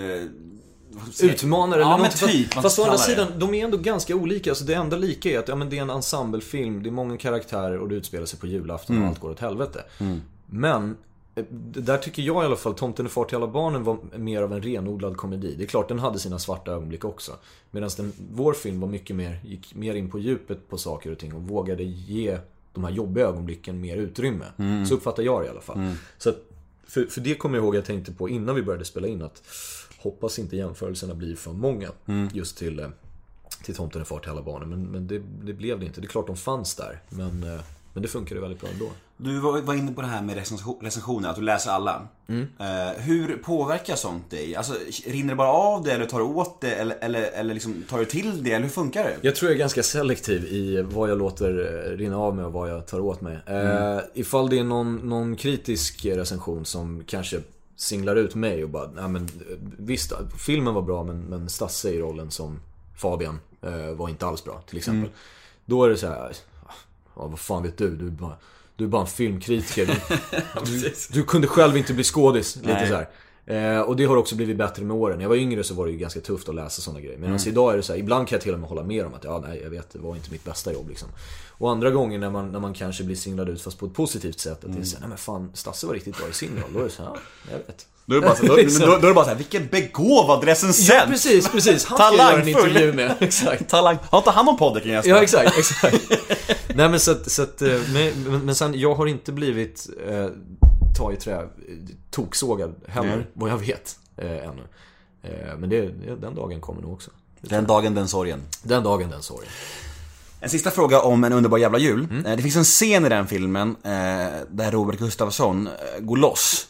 Och, och jag tänk, jag- när jag kom på när jag såg den filmen på bio så sa jag att eh, det var en bra film Men det var en scen som var mästerlig och det är den scenen tycker jag. Jag tycker att den är så jävla rolig. Du vet vilken jag menar? Ja, ja, gud. När han bara öser ut all skit. Jag skrattade så jag kved alltså. Ja, ja. Och det är ändå sån svärta i det. Ja, i jag verkligen. säger. Så jävla mörker och sorg och frustration och det, ja, den är så jävla bra. Det, så jag rekommenderar den filmen just nästan bara för den scenen Mm. Ja, ja, alltså, egentligen. För det, den scenen gör hela filmen sevärd egentligen. Ja. Filmen är bra också, men den scenen är mästerlig liksom. Eh, jag, jag tänker på att hur är det Robert, jag har hört så mycket myter om Robert. Han ska vara med här i höst och det är skitspännande. Men han, jag har hört att han är så jävla ganska hård perfektionist så här. Eh, hur, hur var han att jobba med? Eller är det... Alltså, jag uppfattar honom vare sig som hård eller, eller perfektionist. Jag uppfattar honom som professionell. Mm. Och det går ju ofta hand i hand med att man snuddar i alla fall på, i, i perfektionism. Hård kanske var fel ord, men, men väldigt så här. han ska ha, det ska vara svinbra liksom. Ing, alltså du vet så här. Ja, alltså, jo men det, det, kan, jag- det kan jag till viss del hålla med om. Men, men eh, om att han var. Men å andra sidan, jag applåderar det. För, Ja. för att vi var ändå där för att göra ett så bra projekt som möjligt. Och det är väl samma sak där, att när man jobbar med, med den kalibern av skådespelare som Robert och eh, Maria Lundqvist och, och Helena för den saken. Alltså, Eliten. Liksom, eliten. eliten, eliten verkligen. Då vet man själv att bara, mm, nu är det dags. Nu är det dags att köra. Step up liksom. my game liksom. Exakt, Ja. exakt. Det, det, det är ett uttryck som jag har använt lite för ofta ibland. Men, men, eh, men så var det verkligen där också. Att man var tvungen att kliva upp ett par pinnhål för att nu, nu, eh, nu är det på riktigt liksom. Fin värdemätare för dig också då, tänker jag. Och liksom Oh, ja. köra med eliten. Oh ja, och alltså just i, genom alla år som jag har varit aktiv, den, den turen jag har haft att jobba med, med så pass duktiga skådespelare och regissörer är, är väldigt få förunnat. Och det, det gläder mig, alltså det blir jag glad av så fort jag tänker på det. Liksom. Så det har gjort att jag har tvingats testa mig själv väldigt många gånger. Ehm, men, men att, men, men eh, jag menar han var, alltså jag tyckte jättemycket om att jobba med honom. Han var, han var en av de få människorna som jag har träffat i mitt liv som jag faktiskt har blivit starstruck av. Jag brukar nämligen inte bli det särskilt mycket. Men, men han var en sån där, men det, det har också att göra med att jag växte upp med Killinggänget. Det var Jönssonligan och Killinggänget. Det är de som öppnade upp humor i mitt liv liksom. Och jag, jag hade det till, eller jag har det fortfarande. Jag har en sån här bucket list som jag skrev när jag var 14. På 100 saker jag måste göra innan jag dör. Och en av de punkterna var att jobba med minst en från Killinggänget. Sen när det blev klart att säga, ja men du ska vara med i den här filmen och Robert ska vara med. Jag bara, fuck yes. Nu kör, liksom sådär. Och jag hade ju, jag hade eh, några scener med honom där det bara var han och jag. Och det var, det var riktigt, riktigt kul. Riktigt roligt och, och lite nervöst till och med. Berättade du för honom om bucketlisten? Nej, det har, jag, det har jag faktiskt inte gjort. Däremot så, däremot så, alltså i och med att hans karaktär och min karaktär är ju inte direkt bästa vänner i filmen. Nej, nej. Eh, så jag såg till att hålla honom lite på armlängds avstånd ändå. Alltså vi, vi var inte otrevliga mot varandra, absolut inte. Utan det var så här, "Ja, men god morgon Robert, tjena, liksom under inspelningen och sånt där. Men vi, vi utbytte inte allt för många ord eh, mellan tagningar och sånt där. Men på slutfesten, eh, kommer jag ihåg, att det var precis när han skulle gå. Eh, Då såg jag att han var på väg och jag, då skyndade jag mig till, till entrén där han var på väg ut. Så sa jag det, att jag bara Robert, jag vill bara säga det. Att det liksom, du är en av de största anledningarna till att, till att jag är här eh, idag. För att du öppnade. Alltså jag bara berättade om hur, hur det hade varit. Och han blev jätte, jätteglad och jätterörd liksom. Så att, eh, så att eh, visst, han, han, han har säkert en, en tuff och hård yta och liksom, det ska vara på ett visst sätt och sånt där. Men, men jag, som sagt, jag, jag gillar det på något sätt. Och, och försvara det. Sen, eh, det, det kan ju ha lett till vissa situationer där, där det inte har varit så fördelaktigt för andra människor. Men det vet jag ingenting om. Så Nej, det är ingenting som jag har upplevt. Så att, eh, Jag får fråga honom själv när jag träffar honom. det får du göra. Ja. Det får du göra. Vi går vidare. Du snuddade vid den här filmen förut, men nu tänkte jag prata lite mer om den och det är Underbara Älskade. Och eh, jag tycker att det är en fantastisk film. Eh, och eh, kan du berätta lite om den och det projektet? Minnena du har från det? Det var, det var ju som sagt den filmen som fick mig att, att bli kär i film igen. Jag kommer ihåg, jag var inne, jag var inne och provspelade eh, inne på deras kontor. Det kändes väldigt bra direkt. Eh, jag klickade direkt med vår regissör Johan Brisinger. Och eh, jag såg jättemycket fram emot att få, få jobba med Micke igen. Och eh, sen, sen började vi inspelningen. Vi, vi filmade några scener på hösten 2005. För det, det var liksom de scenerna som utspelar sig först, först i filmen. Ganska tidigt i filmen, för de som inte vet, det, det sker en olycka och där mamman och lillebrorsan omkommer. Så det handlar om pappan och den äldsta sonens sätt att leva vidare. Eh, och eh, sen snabbspolat till typ nio månader senare när vi skulle då fortsätta filmandet. Eh, så var vi nere på, på Orust där på västkusten och filmade liksom i en idyllisk miljö. Verkligen så här svensk skärgård när den är som bäst. Och eh, vi var där i kanske sju, åtta veckor någonting sånt där. Och det, var, det var lite samma sak där, att vi blev som en familj hela, hela gänget. Och det var en fantastiskt rolig inspelning. Det, var, det kändes också som min första vuxenroll på något sätt. För det, den, den karaktären hade så mycket mer djup än vad jag hade varit van vid tidigare. Hur gammal var du då? Jag var 19 när vi filmade den. Så det var, det var liksom, det var en väldigt, väldigt speciell upplevelse för mig. Eh, för mig personligen, att, att få vara med i, i den filmen eh, och göra den. Hur skulle du beskriva Micke som att jobba med? Um, fantastiskt. Det är liksom... Han... Han var ju som... Han var ju som en filmpappa på det sättet för mig. Uh, I och med att vi jobbade med varandra i Hem var hem när jag var liten. Och uh, vi, hade någon, vi hade en ganska speciell relation. Det, det blev lite så här far och son grej. Eh, på något sätt. Och, och jag såg väldigt, väldigt mycket upp till honom. Jag, det, alltså, jag har inte lärt mig lika mycket från någon annan som, som jag gjorde av honom. Så, så han, han har alltid betytt och kommer alltid betyda extremt mycket för mig.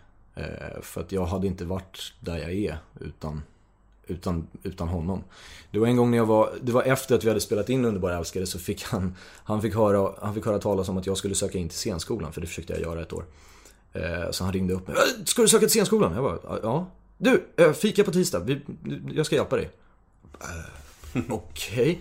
Och det var så här, när jag la på luren så var det som att så här, Mikael Nyqvist ringde mig precis och så här, ska hjälpa mig med, med att söka till scenskolan. Det, var- det var så surrealistiskt liksom. Även fast vi hade jobbat med varandra och, och var goda vänner nu, redan då. Eh, så det var väldigt, väldigt knäppt att bara ha honom så nära. Eh, men men vi, vi, det var en väldigt speciell relation. Märker att du ändrar hela din energi när man pratar om honom. Ja, att, jo, Som att det- liksom går, som att du blir helt mörk. Men det förstår jag också. Det är, det är ungefär som när jag intervjuade Sven Wollter häromveckan och han pratade om sin dotter som var död. Det var som att han bara slog över helt och blev helt mörk. Just, det, det, var ju, det var ju så pass nyligen också. Eh, och det, Visste du om hans sjukdom? jag visste inte om det. Ingenting? Jag visste ingenting. Jag blev uppringd eh, av, eh, av vår agent eh, som sa det. Eh, Ni har, geme, ni har gemensam agent? Ja, Eh, och det, är samma sak där. Jag, jag fick de agenterna via honom. Ehm, och eh, när vi filmade Underbara älskare. Så, så hon, hon ringde mig och sa att, att det hade hänt. Och jag blev helt... Det var som att först var det inte som att jag, jag kunde inte... Jag ville inte slash kunde inte förstå det. Jag tror att mitt första svar var bara nej. När, när hon sa det.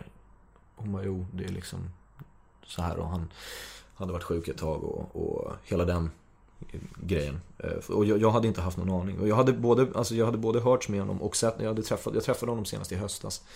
På eh, premiären av Den allvarsamma leken där han var med. Och eh, Var han sjuk då? Ja, det, det var han. Men, men jag, hade, in- jag, jag förstod inte det. För han, var, han var sig själv. Tjena gubben, hej! Åh! Eh, Vad gör du?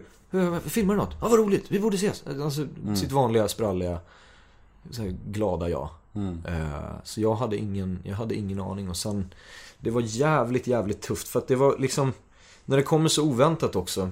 Och när det är en person som har stått en så pass nära. Så var det väldigt sådär, och jag skulle åka till Norge dagen efter. Jag blev uppringd här på tisdagskvällen då om det här, när det hade hänt. Eh, och dagen efter, på onsdagen, skulle jag åka till Norge och jobba. Och då var det som såhär, jag bara, kommer jag ens orka det? Lite grann. Så jag snackade med mina agenter då också, när jag var på väg ut. Eh, Och så sa jag det, att jag bara, men jag, han, han hade velat det. Att så här, det är klart, ska åka iväg och jobba nu. Vi ses förr eller senare ändå, liksom. På något sätt. Eh, så så det, det, var, det var väldigt, väldigt tufft. Men, och sen också, alltså jag måste, måste ta tillfället i akt och säga att alltså den, den kärleken som man har fått från, från folk eh, efter det har bara varit överväldigande. För det, det är folk som har skrivit liksom på Facebook, på Instagram och någon har stoppat mig på stan och verkligen så beklagat sig och, och, och bara, ni, ni, ni gjorde en så fin film ihop och det, jag grät hemma och alltså folk som inte ens kände honom blev väldigt, väldigt upprörda över det här. Och de har verkligen visat en sjuk medkänslighet och, och, och sådana där grejer. Bara tagit sig tid och liksom Folk jag inte har varit i kontakt med på tio år. Vissa som jag har brutit med liksom har till och med hört av sig och bara Hej du, jag hoppas du är okej. Alltså liksom Alltså det är så här, när någon dör så, det är ju så att, det finns ett uttryck som heter alla älskar en död man. Men med just med Micke Nyqvist så känns det som att det var alla sorg var genuin. Mm. Alltså alla hade en relation till honom, alla tyckte om honom. Alltså när kändisar dör, då brukar typ så här, alla lägga upp en bild bara, vila i frid. Vet, Ja, alla, vet, alla helt, plötsligt, helt plötsligt tycker alla om människan. Exakt. Men med Micke Nyqvist så kändes det som att det var så jävla genuint från Mm. alla. Alla hade en relation till honom, en favoritfilm, ett minne, du vet såhär, en sån här landssorg liksom. Ja, ja visst. Alltså han, han, han var...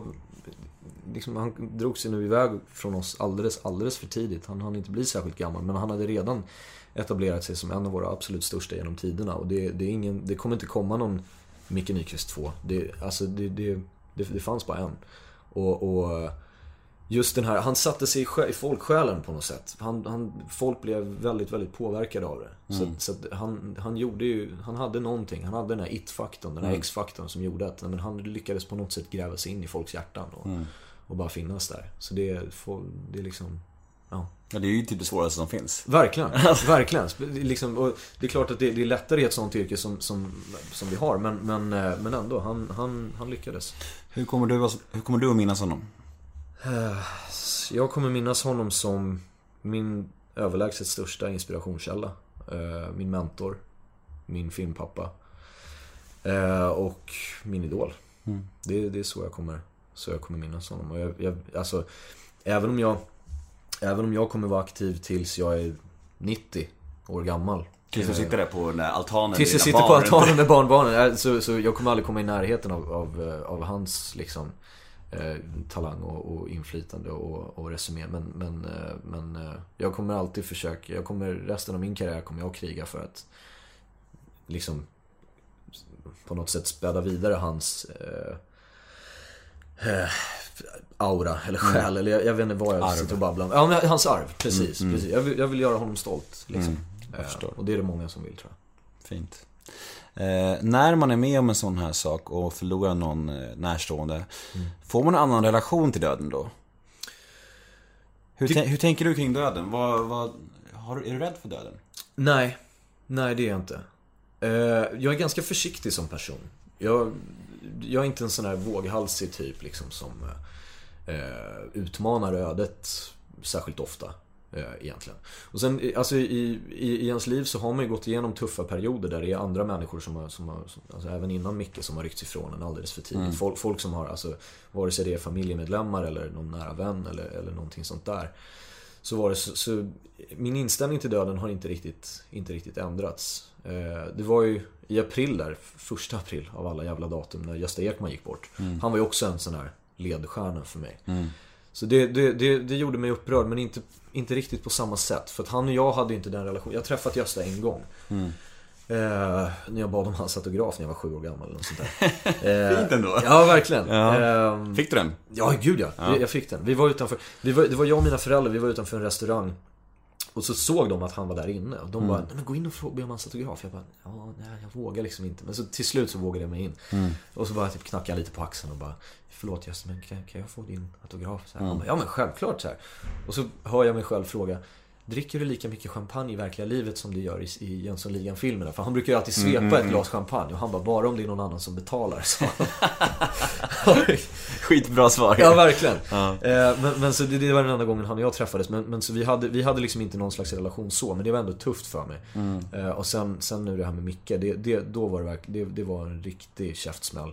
Eh, på det sättet. Men jag, har inte in- ändrat inställningen inför det. är Det, det, händer ju. Alltså, det går ju liksom inte att göra någonting åt. I, i, Och det är också så här, även om man skulle säga så här, ja min relation till döden är annorlunda, jag uppskattar saker mer, hej och allt går tillbaka till normen till slut. Det Exakt. blir ju så. Allt blir ju vardag igen, alltså, alltså upplevelser kommer längre ifrån en och det blir vardag igen liksom. Mm, precis. Så visst, visst kan det kanske känns några veckor som nu ska jag uppskatta livet, nu ska jag ta hand om mina nära och kära. Visst, det kanske man gör ett tag, men sen är det som att det är ungefär som terrorattacken. Mm. Ja. Efter det, hela staden var fylld av kärlek. Ja, ja, visst. I typ en vecka. Ja, verkligen. Det är så jävla knä- Jag har tänkt på det där också, just med terrorattacken. För det var, helt plötsligt var terrorn på hemmaplan. Mm. Då var det så här, okej nu, vad händer nu? Vad händer från och med nu? Stockholm Unite. Det blev verkligen sådär. Det var en stad fylld av kärlek efter. Exakt. I typ en vecka. Alla klappade varandra på axeln och kramades och sa fina ord till varandra. Och sen så bara blir det ju vardag igen. Det planade ut, Ja. precis. Och man bara, ja, det rullade på. Jag, jag kom på mig själv typ tre veckor efter attacken bara, just det, fan vi, det var en terrorattack i Mm. Stockholm för tre alltså. veckor sedan. Jag har knappt tänkt på det på en vecka. Alltså du vet. Mm.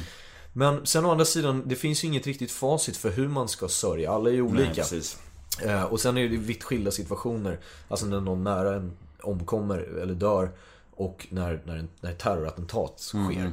Att det, det är så två väldigt skilda, skilda saker. Men, men, eh, men det är svårt med, med, med sorg, tycker jag. Eh, att sörja är ju liksom...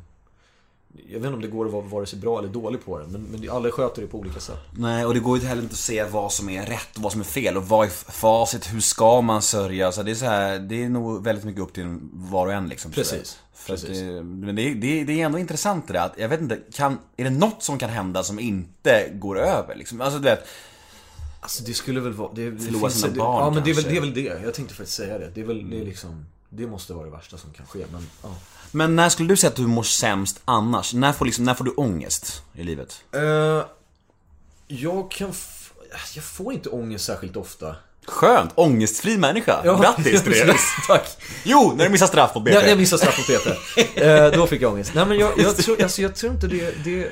Det skulle väl vara någon gång... Alltså i snitt kanske någon gång per år. Ty, om ens det. Alltså när det är så här, fan jag, jag, jag borde förberett mig bättre inför den scenen. Det är ofta jobbrelaterat faktiskt. Prestationsångest.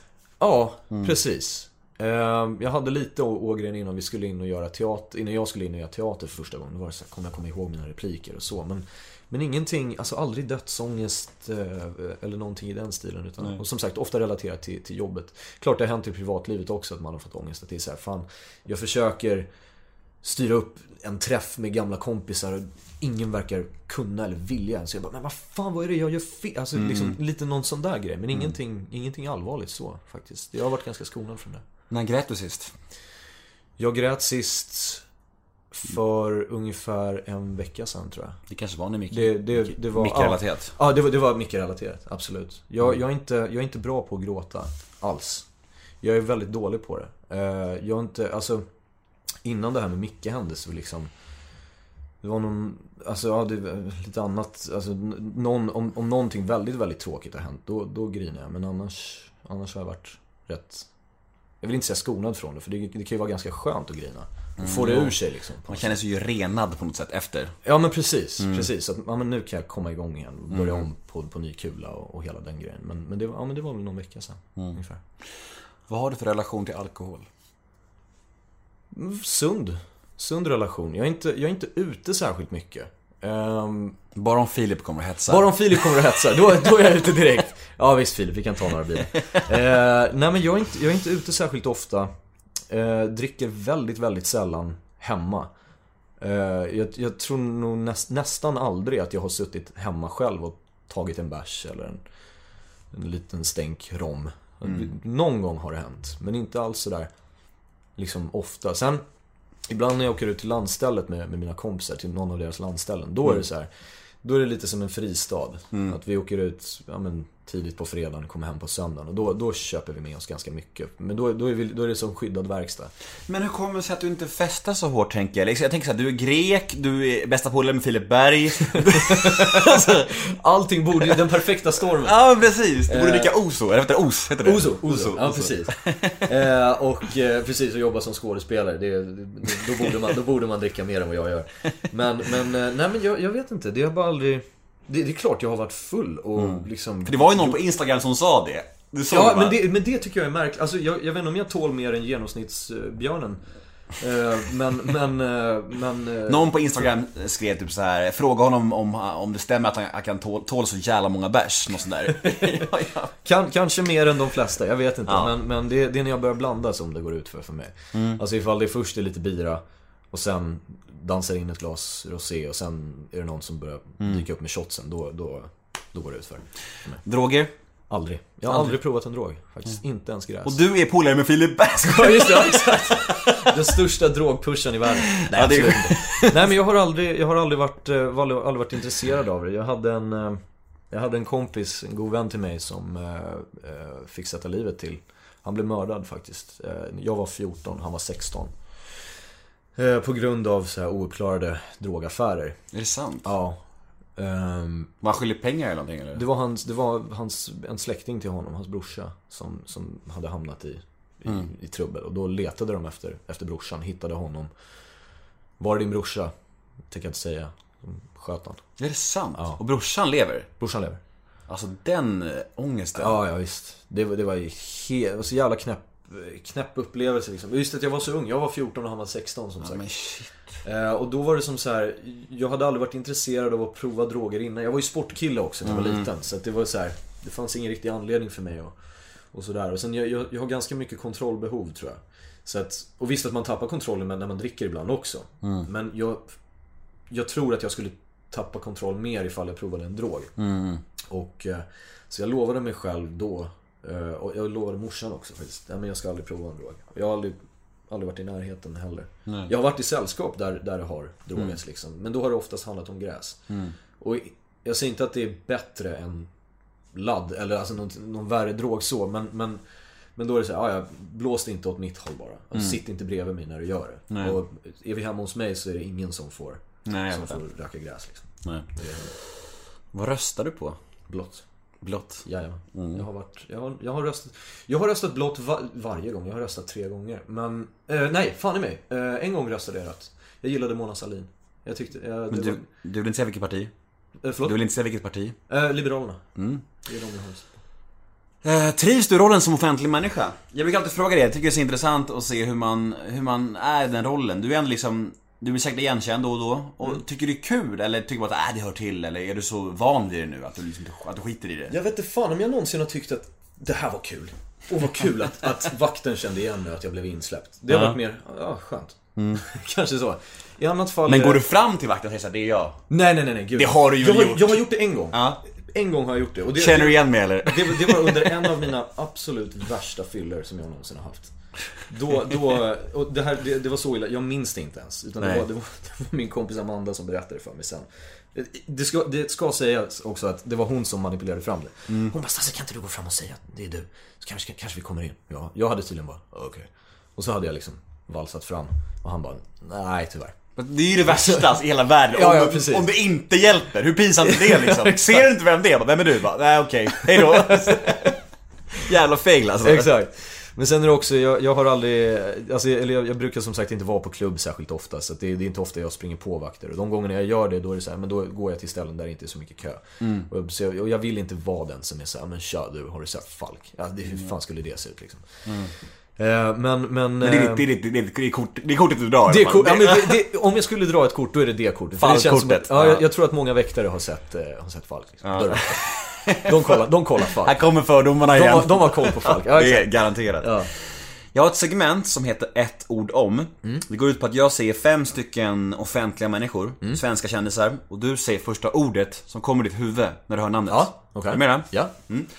Alex Schulman. Skicklig skribent. Det är två ord. Det är två ord. Eh, skrivarkunnig. Bra, snyggt. Marcus Birro.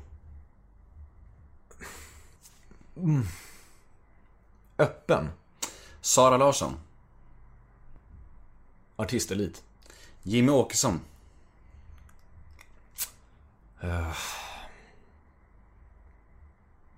Den var svår. Shit, vi kan sitta här länge som helst. Ehm, jag Jag, säger... jag har ingen brådska någonstans. Nej, nej, det har inte jag heller, men... Talför. Leif GW Persson. Geni. Gick det bra ju? Det gick bra. Det, den sista var den lättaste. Jag är, jag är så kär i Leif GW. Jag kan berätta en liten hemlis för det. Att, eh, jag, jag ringde faktiskt Leif en gång Ja. och, och försökte få med honom här. Ja. Eh, jag, jag, jag, han är ju en drömgäst såklart. Såklart. Men, men, men jag hade hört att han inte är helt lätt att få med. Han är ju väldigt... Han är ju speciell. Ja. Bufflig och, och, Ja, ja. och så här. Jag ringde honom jag bara försökte dra min pitch. Liksom så här, ah, hej jag heter Nemo Idé, jag driver en intervjupodcast och så räknade jag upp några tunga namn jag haft så här och, och han, säger, han, han säger bara så här. Du slipper mig! Så lägger han på. Men det är också så här gubbgrejen. Han, han kan komma undan med sånt. Det är det jag vill Vadå åstadkomma. du slipper mig? Det är inte så att jag, jag vill inte slippa dig, jag vill ha med dig! Alltså lägga, varför är det så här konstig Det lät- retorik liksom? Det lät som hans diplomatiska sätt att säga jag vill inte. Ja exakt. här, du slipper. mig, klick! Jag bara, jag hade tagit så mycket mod till mig också. Ja, ja, jag, jag, det, jag skulle inte våga ringa upp honom bara så. Nej. Och, Ja, men, men men jag, för jag är ett stort fan av kriminologi. Jag har, jag har alltid varit fascinerad av så här mordhistorier och liksom his, Då har du ju fan 800 poddar att höra på. Det finns så många som helst ju. Ja, jag vet, jag Så vet. här, Så det, kriminalpodden, mordpodden, rättegångspodden, mystikpodden, skräckpodden, alltså Jävlar. thrill- thrillerpodden. Alltså på riktigt. lyssnar du mycket på dem? Nej, jag lyssnar inte. Jag kan bara namnen på Okej, dem. du kan namnen jag på kan namnen på dem för att jag läser topplistan ibland. Jag vill se, Okej, jag vill se ja. vart jag Det är ligger. klart. Och då, då ser jag bara så här, alltså, alltså av topp 20 poddar så är kanske hälften någonting som är thriller, skräck eller mord. Det är Okej. allt, alla alltså. Det är skitmånga alltså. Okej, okej. Och det är verkligen en trend, så, så, du, så du är inte unik. Nej, men, nej, nej, vad bra. Det, jag, jag hade hoppats på det, att jag inte skulle vara det. Eh, nej, men så, så, eftersom jag har alltid varit väldigt intresserad av sånt så, så har ju han blivit lite som en husgud i den aspekten, faktiskt. Jo men det är... Han, hans sätt är ju lite, han, det gör, han gör sig ju bra på TV. Ja, han är grym. Han är... glasögonen upp och ner och snusen och, alltså... Alltså är det någon som får pissa på mig sådär så är det ju Leif GW Persson. Ja, ja, precis. jag är, jag, det är helt okej för mig alltså. jag, kan, jag, jag tar det. Jag kan ställa mig bredvid och ta stänket, det kan jag. Precis, precis. Ja men det är okej. Eh, dagens fråga lyder så här, dagens brev alltså. Hej Stasse, hur går det med kärleken? Dejtar du fortfarande Idol-Josefin? Och hur seriöst är det i sådana fall? Eh, nej, vi, eh, vi är inte tillsammans längre. Nej. Vi, eh, jag är singel. Single, ready to mingle! Ja, precis. Nej men det, det, det var liksom, alltså det, det var ett väldigt, väldigt, väldigt bra uppbrott. Hur länge, hur Eh, länge dejtar ni? Fem, ja vi var ihop i fem månader, vi dejtade kanske två månader innan det. Men det var ett väldigt, det var ett gemensamt beslut och det, vi är fortfarande kompisar så, vilket, vilket är skönt liksom. För att då, då, då slipper man allt drama och allt hat och liksom För jag har varit med om det förut liksom. Så att det, Smutsiga breakups. Ja men precis, så det är väldigt, väldigt sunt liksom. Så är det. Grymt. Du, eh, personliga misslyckanden, saker du ångrar. Har du någon, så här, någon film eller någon serie som du känner så här, alltså att det där släpptes, det är ju fan skam. Varför släppte vi det där? Eller du kanske inte vill säga det här för då kanske vi, alla, alla lyssnare kollar in det. Ja, ja precis, precis. Då får, då får den, den filmen den publiken helt Det är mitt knep här, jag vill, jag vill få Ja, fram ja, det. snyggt. Slick. Ja, ja, Smidigt. precis, precis. Ehm, ja. Alltså jag vet ju att... Johan Falk. Ja, ja precis. Det är det. Johan Falk, en underbar jävla ljud. Eh, nej men, eh, nej, jag vet ju att Tre Solar blev ju en riktig kalkon. Men jag har inte sett den. Det, det var en film som Richard Hobert gjorde för många år sedan. Där jag hade en jätteliten roll. Jag Men, visste inte att du var med där. nej, det visste knappt jag heller. Alltså jag, jag var med så jag var med i en scen. Jag, jag Att skulle... den floppade visste väl alla? Det, Ja. det var ju, den kom samtidigt som en annan film som blev svinstor. Eh, de gick upp samtidigt den andra var super, jag vet inte vilken det var. Men Tre Solar var ju allmänkänt att den var väl liksom så här, det var ju Persbrandt och allting, eller hur? Ja, ja? Persbrandt, Lena Endre, liksom, Ja, alla var ju med. Eliten där också, Rolf Lassgård tror jag också var med. Ja. Kjelle var med. Mm. Eh, men kan det varit, kan det varit Arn som kom ut samtidigt? Kanske. Det var någon stor film som kom samtidigt som den som verkligen mosade Tre Solar. Ah, okej, ja. okej. Skitsamma. Ja men den, fast å andra sidan, jag var ju med så lite i den så det är liksom, det är ingenting som har... Du la, la inte så mycket hjärta i den liksom. Eh, nej, nej faktiskt inte. Jag, jag, var- jag var ju så ung liksom. Ja. Men, men i övrigt, nej egentligen inte. Alltså inget, inget så här misslyckande som jag känner att helvete Du varför har släppte bara de gjort grymma grejer liksom. Jag har haft tur. Jag har haft tur. Tur kombinerat med en dos skicklighet. Ja, ja precis. En blygsam dos skicklighet. Exakt. Precis. Framöver nu då, hur ser det ut? Vad, mm, drömmar, planer, mm, närmsta ahead? Vad, vad händer liksom? Närmsta head. Eh, jag har semester nu i lite drygt en vecka till. Och sen, sen börjar jag göra ljudböcker igen. Jag har precis börjat, jag började med det i våras. Mm. Jag in ljudböcker. Eh, det kul? Vilket är skitkul faktiskt. Bra Det- cash va? Det är väldigt bra cash. Ja. Eh, och det är väldigt, det är skönt för det, jag har dubbat i många år. Jag har dubbat barnprogram och sånt där. Och det är lite samma, samma grej. Att du dyker upp i mjukisshorts och en tisha. Behöver inte sminka dig, behöver inte byta kläder, behöver inte liksom repa in någon text innan. Utan du får texten där, så läser du bara replik för replik. Och med böckerna så, ja men då läser du en bok högt. Så då föreställer jag mig att jag är den här 85-åriga gubben som sitter med mina barnbarn och läser en bok för dem. Eh, Så det ska jag göra nu ett par veckor framöver. Sen har jag, sen har jag semester igen. I kanske en månad eller någonting sånt. Och sen semester och sen semester. Ja precis. Efter semestern ska jag vila. Och sen när jag har vilat klart, då måste jag åka på semester. Nej men sen i, i höst så åker jag tillbaks till Norge för vi håller på att filma en, en TV-serie där. eh, där- Där jag spelar amerikan för första gången. Faktiskt. Det är en norsk eh, storsatsning där jag spelar en amerikansk advokat från Texas. Oj, Faktiskt. hur är engelskan? Min engelska är väldigt bra. Men det är för att jag har jobbat på den väldigt hårt. Väldigt hårt, väldigt länge. Jag tror jag var 17 eller 18 då. Ungefär i samband med att, ja lite senare kanske, 1920, skitsamma. När jag bestämde mig för att film är det jag ska hålla på med. Och ifall jag en dag vill komma till Hollywood, jag vill inte provspela för den ryska karaktären. Jag vill inte provspela för den tyska eller den franska. Jag vill Som många får göra, Micke, alltså som Ja, många får göra precis, liksom. Så här. precis. Jag, jag vill vara med och kämpa om de, om de köttiga rollerna, om Mm. de amerikanska rollerna. Så då liksom hängav jag mig själv till att så här, nu ska jag lära mig den amerikanska accenten så bra jag kan. Mm. Och det, det har jag gjort, eh, vilket känns skönt. Det är så intressant det där, för de, de, de tyngsta i Sverige som Micke, Persbrandt eller Ola Rapace de, de blir alltid den ryska skurken i, Mm. Ja, ja, precis, i Hollywood. precis, precis. det är dit de når liksom. Exakt. Det det. Men sen har vi ju, sen har vi ju Alicia som, som har en, en, perfekt, hon är ju lite mer brittisk engelska i och för sig. Mm. Eh, Joel får göra amerikanska roller, Alexander Skarsgård har, i mitt tycke, den, den bästa amerikanska dialekten av, av alla. Mm. Men han har varit där längst också, har han inte det? Det är sant, det är sant. Men den är, den är perfect alltså. Men drömmer du, alltså är det en, en dröm som du bär med dig om, om Hollywood så här, ofta? Tänker du på det mycket så här? Alltså det beror på hur man definierar dröm. Vissa står ju och faller med sina drömmar. Jag gör ju inte det. För att jag känner att jag har ändå lyckats etablera mig så pass bra som jag har velat här hemma. Så att jag har det att, i brist på ett bättre uttryck, falla tillbaka på. Ifall det inte skulle bli Hollywood. Men självklart vill jag, vill jag jobba där. Jag har ju en amerikansk agent också som, eh, som hjälper mig med, med provspelningar. Vi har ideligen kontakt. Och, och eh, liksom, han, han, han lyckas ju skarva fram de här bra provspelningarna jag nästan alltid får prova för amerikanska roller. Och det, det har aldrig någonsin varit ett problem på alla de provspelningar jag, skick, jag har skickat in. Att de bara, ah, han låter inte amerikansk. Det har aldrig varit en grej. Det har snarare varit tvärtom. Att när min agent säger att nej, men han är svensk. Han är född i Sverige med en finsk och en grekisk förälder. De bara, va? Men har han bott i USA? Nej. Och det, det är ett väldigt skönt kvitto att få faktiskt. Så det, det, det visar ju att ja, men jag har kämpat på bra för att, för att lyckas göra det. Målbrottet, hur är det med det? Ja, det, det... Målbrottet, det, kan de fixa digitalt där efteråt sen. Ja, vad skönt. Och sen kan de klippa bort den scenen där jag bränner en straff mot BP. Precis. Du, vart, eh, på sociala medier, vart finns du, vad heter du? Eh, på Instagram så heter jag eh, Anastasius Solis tror jag. Eller mitt användarnamn är Stasse Solis. Eh, och eh, på Facebook heter jag Stasse Solis. Dock på Facebook så är jag privat, men på Instagram så är jag öppen.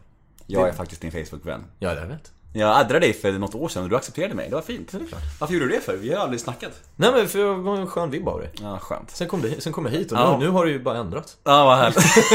Fan, ja, men ta bort mig efter då. Ja, precis. Du, supertack att du kom hit. Tack för att jag fick komma. Det här var ju skitmysigt. Gött snack. Ja, verkligen. Eh, Jag heter Nemo Hedén på Twitter och Instagram. Hashtaggen är neomöter. In och gilla oss på Facebook, neomöter en vän. Tack Anastasius Solis. Tack så mycket. Hej då! Hej hej.